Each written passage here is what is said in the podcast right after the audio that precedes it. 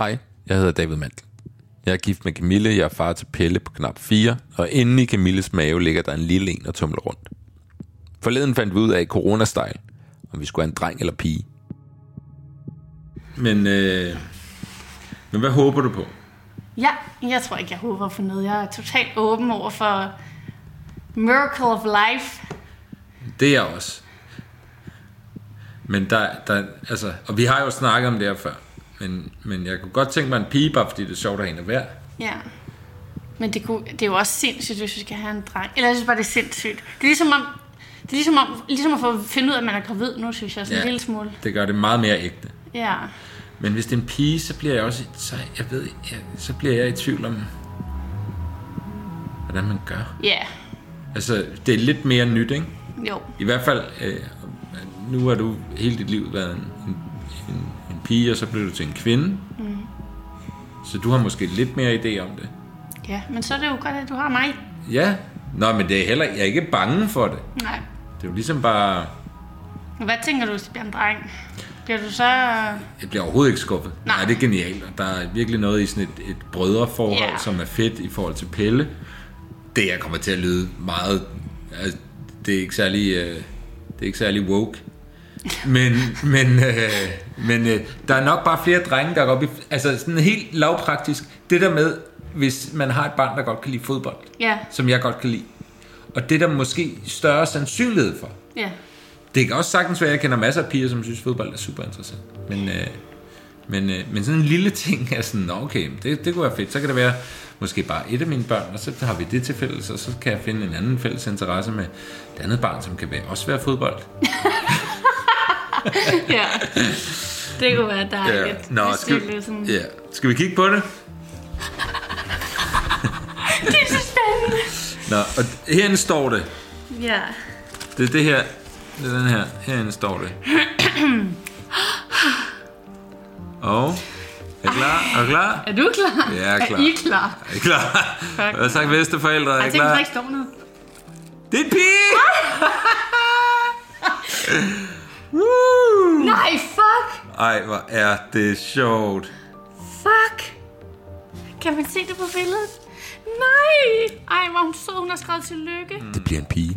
Nej, man kan virkelig ikke se det på billedet. Jeg tror, at fremtiden tilhører kvinderne. Så hvis jeg gør mit fararbejde godt nok, så tager hun forhåbentlig Pelle med sig på sin vej mod toppen. Det her er podcasten Velkommen til Fremtiden, præsenteret af Hyundai. Og den her udgave kommer til at handle om at være far. For fremtiden bygges og befolkes af de børn, vi opfostrer nu. Vi er med til at skabe fundamentet for fremtidens verden lige i dette øjeblik. Ligesom vores fædre var, og vores børn bliver engang. Så hvordan gør vi det bedst muligt? Og hvordan har det ændret sig? Og hvordan vil det se ud i fremtiden? For at finde ud af det, var det første, jeg gjorde at sætte mig ned i bilen og ringe til min far. Jeg vil gerne vide, hvordan han ser på min generation af fædre, og hvordan han oplevede forskellen på, hvordan hans egen far var, kontra den måde, han selv prøvede at være far på. Hej far. Hej David. Far, jeg, øh, jeg laver den her podcast jo, Ja, og det handler om at, at være far i det her afsnit, ikke? ja, Øhm, og så tænkte jeg, du er jo også far. Du er jo min far. ja. Oplevede du, at der var en stor forskel på, hvordan du ligesom var forældre, både i hvor meget du var sammen med, og hvordan du var sammen med, med, med os børn, kontra hvordan din egen far var? Ja, på den måde, at min far var jo, øh, var jo øh, meget arbejdende, altså meget væk. Og når han var hjemme, var han også meget arbejdende. Sad han inde på sit arbejdsværelse om aftenen og arbejdede og Mm. ligninger. Øhm, men han var der jo. Altså han var jo, øh, han var til stede på den måde. Han var der, når han var der, kan man sige. Men, men jeg var jo meget mere til stede. Altså jeg har været meget mere til stede i, øh, i jeres liv, end han var i mit liv. Så det, det, var, det var en meget anderledes tilgang til livet som helhed. Og dermed øh, blev det også en meget anderledes måde at være far på, fordi jeg simpelthen fysisk, tidsmæssigt var meget mere involveret. Lige præcis det. Altså, når du så kigger på, på øh, mig og, og, og min generation af fædre, når du ligesom møder dem rundt omkring med, med, med dine øh, børn og bonusbørn og så videre, øh, er der så nogle ting, hvor du tænker, der gør I det på en måde, om det er godt eller skidt i dine øjne, men bare anderledes, end, end, end du gjorde det, for eksempel? øh, vi skal se det ud fra mig selv, og ikke sådan generelt, ikke? Mm. Øh, så, så synes jeg måske, der er kommet en eller anden, øh, en eller anden perfektion ind over. Sådan hele tilgangen til livet. Øh, at det, man, man prøver at optimere hele tiden øh, sit liv i forhold til en hel masse forskelligt. Øh, og det, det fornemmer jeg giver en anden energi i det også at være forældre, og også i forhold til børnene. Hvordan? Jamen altså, at, at man, skal, man skal virkelig leve det, det rigtige liv. Min fornemmelse er, at folk lader sig påvirke meget til hele tiden at skal leve op til et eller andet, som også smitter i den måde, man er forældre på, familie på. Øh, og den synes jeg ligger sådan som en, en ting, som, øh, som ser anderledes ud, end det var. Var der måske mere lethed over nogle af de der ting dengang, for man var heller ikke så viden om alt, hvad andre gjorde på samme måde. Forstår du, hvad jeg mener? Ja, ja fuldstændig. Ja, det giver super god mening, og jeg tror, du har fuldstændig ret. Og det, øh, det oplever jeg lidt lægger et pres både på familierne, men også i rollerne og sådan noget, som jeg synes nogle gange kan være lidt, lidt specielt at kigge på, fordi jeg tænker, det er lidt synd, lige den del. Der er meget godt, men, men den del synes jeg er lidt synd, fordi det, øh, det lægger en spænding hen over det at leve, også for børn, hvis de skal være en del af noget, der skal leve op til noget. Er der et eller andet, du kan give, give mig med et, et godt råd? Du skal huske at vise din glæde for Pelle og lille søster, at de er til. Man skal vise det. Mm. Og det tror jeg også er en ting, som børn får med sig, at de får mærket til stedværelsen af din kærlighed til dem. Det tror jeg også er sådan en overordnet ting at have med sig. Ja. Yeah. Som også i dagens, øh, hverdagens øh, travle tingelingelag, der kan være nogle af de ting, man glemmer, ikke? Fordi der lige er bud, bud, bud, man skal nå og alt det der. Og så kan jeg tænke over, hvad er det, jeg levede op til selv. Men, men det er jo også, man bliver jo klogere, ikke? Så. Det er det, man gør. Og ja. øh, jeg, jeg prøver faktisk at sige meget til Pelle, hvor, hvor dejlig jeg synes, han er. Og han virker underlig uinteresseret, synes jeg. Når jeg Hvad er det, han siger? Ja, ja. men jeg, tæ- jeg tror også på, på den lange bane, der, øh, ja. der, der, der vinder vi nok. Fortæl dine børn, du elsker dem, og drop ideen om det perfekte. Det er jo svært at argumentere imod. Jeg trillede videre ud i verden, nærmere bestemt til en villa i Gentofte. Her bor tv-vært, rockmusiker og indhaver af en podcast om at være far, Mathias Hundebøl. Han er flyttet sammen med sine svigerforældre og nogle venner. Han har selv to børn, og i alt er der seks børn på matriklen. På flere områder er vi det samme sted i livet, så jeg kunne godt tænke mig at høre, hvilke tanker og overvejelser han har gjort sig, i forhold til hvilken vej det her farskib sejler. Synes du, der er sket en, en, en positiv udvikling i, i, i, i det at være far, den måde, man, man anser en far på? Jeg synes, der sker en positiv udvikling i forhold til, at der er flere fædre, som ligesom tør stå ved i far, ligesom du gør. Altså man også ligesom godt kan bryste dig af, at jeg er sgu far. Det kan også være, at jeg er journalist, eller hvad jeg nu er. Men mit udgangspunkt udspringer fra, at jeg er nogens far. Sådan har kvinder jo langt højere grad tur at være. At man kunne sige, at jeg er først og fremmest min børns mor, og min mands kone, eller hvad det nu er, og så er jeg måske også journalist, eller jeg er skolelærer, eller hvad det er. Så jeg synes, det er ret fedt, at der kommer nogle fædre på banen, også fordi, at der er med mange generationer, man sådan kan se tilbage, hvor folk nærmest er drevet af faderkomplekser. Altså, der er fandme mange, der bruger hele deres liv på at, at prøve at gøre en eller anden far tilfreds. Så fordi han bare aldrig har fået sagt til dem, at han elsker dem, eller går op i det, de går op i, at man sådan jagter øh, den karriere, ens egen far havde, eller det, ens egen far gjorde, fordi tænk nu, hvis han en eller anden dag viste en, at han var god nok. Altså, sådan skal det fandme ikke være for mine unger, vel? De skal være så træt af mig, og være sådan, far, vi ved godt, du synes, vi er gode nok, vi er fucking ligeglade med dig.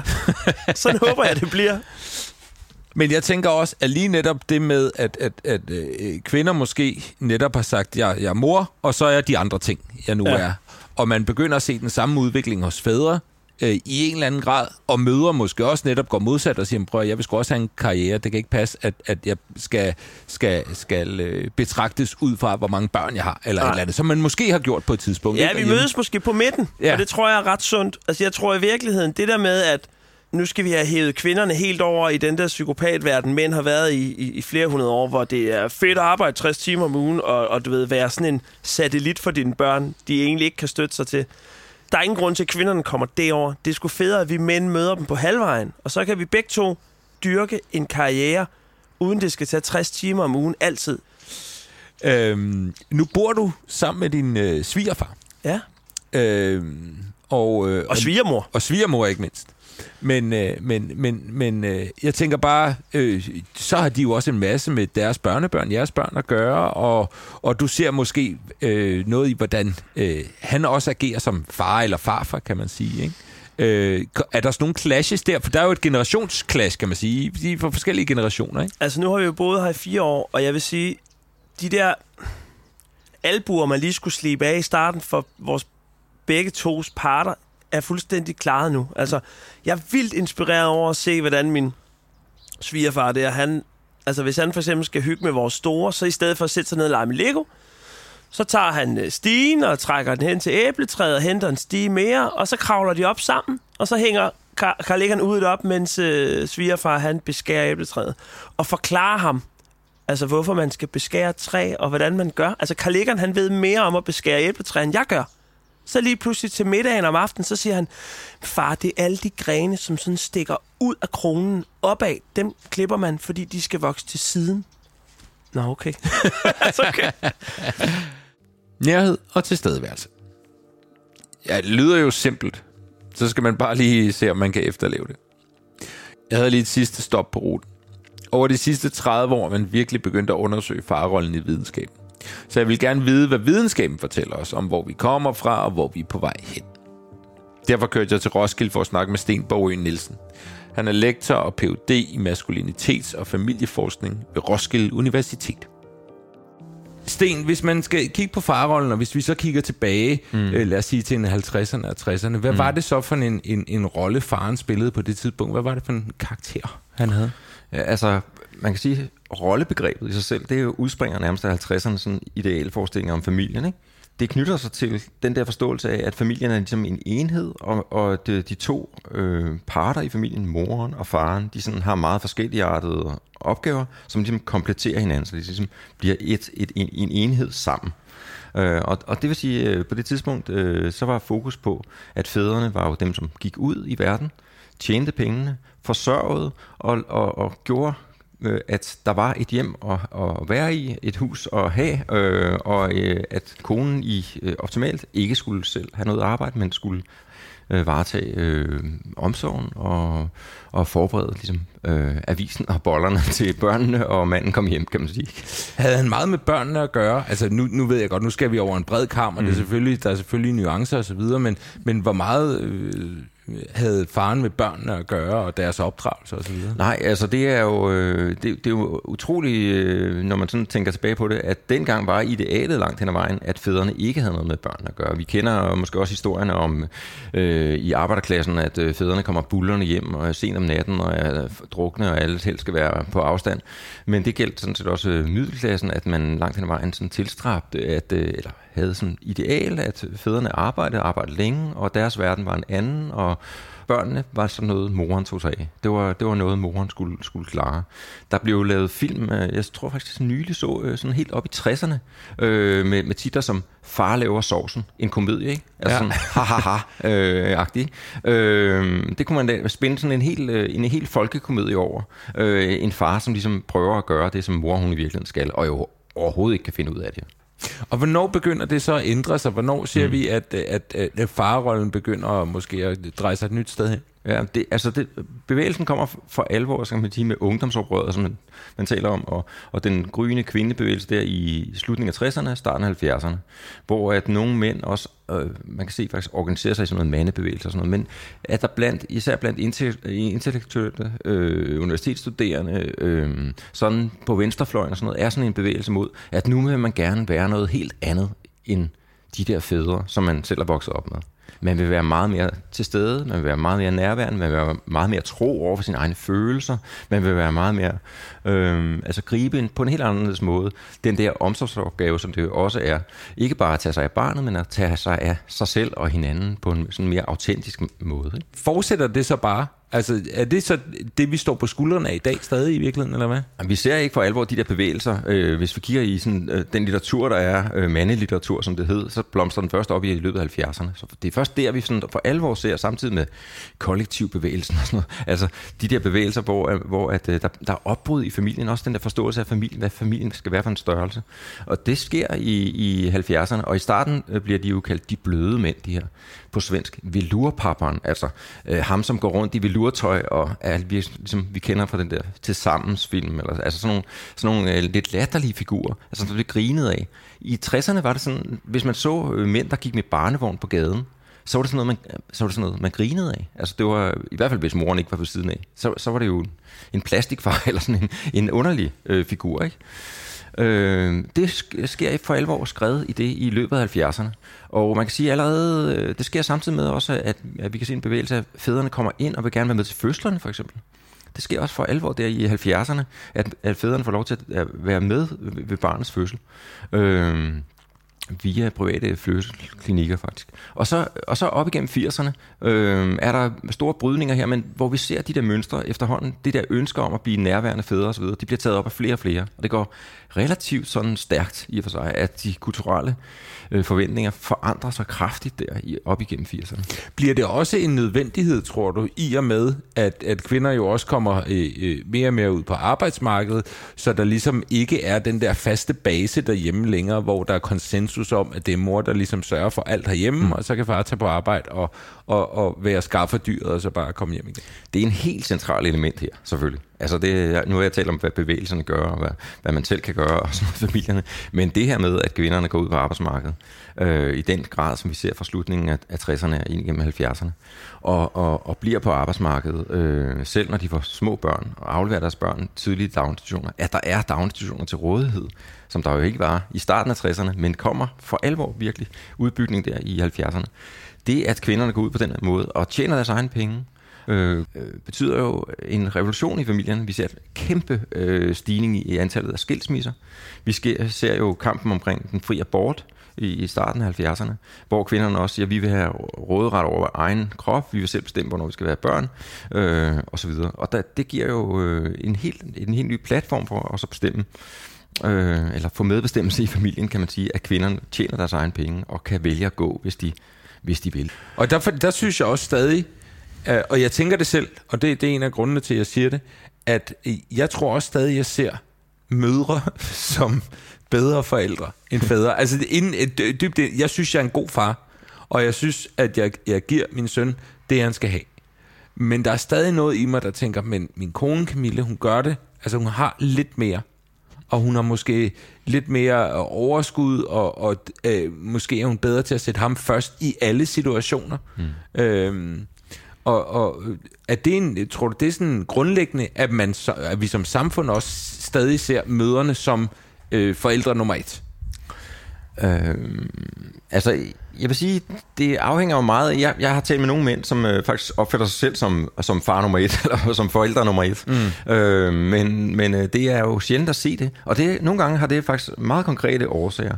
Øh, hvis man ikke er med, sammen med det tidlige barn, altså når, hvis man ikke er med barnet, når det bliver født, hvis man ikke oplever sig selv som kompetent, når man ligesom øh, skal begynde at have en relation til barnet, men man hele tiden oplever, at hvis barnet rigtig græder eller rigtig er ulykkeligt, så skal det over til mor. Mm. Så etablerer man jo også nogle mønstre her, konkret i, i familien, som, øh, hvor man bliver sådan en anden forælder på en måde. Ikke? Mm. Og det er et mønster, som man meget, som bare, både, både sætter sig hos faren og, og også skal sætte sig hos barnet.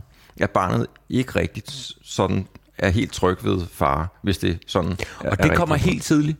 Det kan komme øh, meget tidligt jo. Altså lige snart at børn kan begynde at skælne øh, mellem forældrene øh, sådan.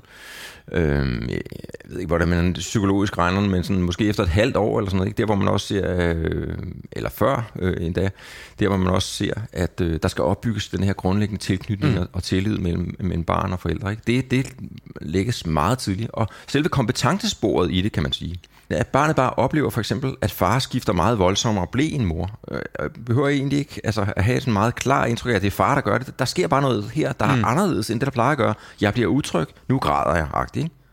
Altså det er jo sådan nogle typer af, af mønstre, hvor relationerne egentlig fra starten ikke er på plads, og hvor det er vanskeligere for den anden person, kan man sige, at få dem på plads, hvis man ikke er til stede, og hvis man ikke tror på sig selv, og hvis man ikke kæmper for, at man vil have den her relation til at fungere, og det skal kunne fungere.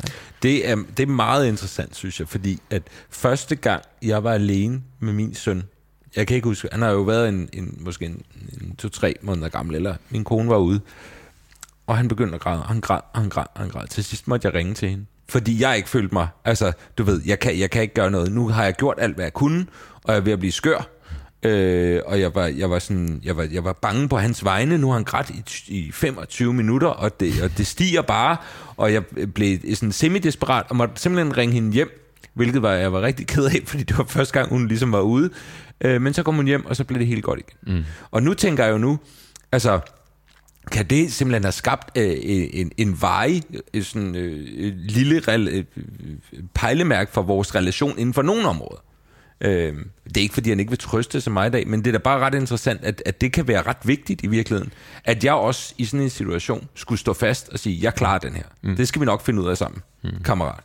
Ja, altså jeg vil gætte på i første omgang, at det etablerede netop et spor mellem dig og din kone og din partner omkring, ja. hvordan I, I gør det her. Ja. Snarere end mellem dig og barnet, kan man okay. sige. Men det, men det er jo selvfølgelig også en, en, en oplevelse netop af, at man er utilstrækkelig. Og den der, man har brug for at opleve præcis det modsatte. Man har brug for at opleve, at man er kompetent.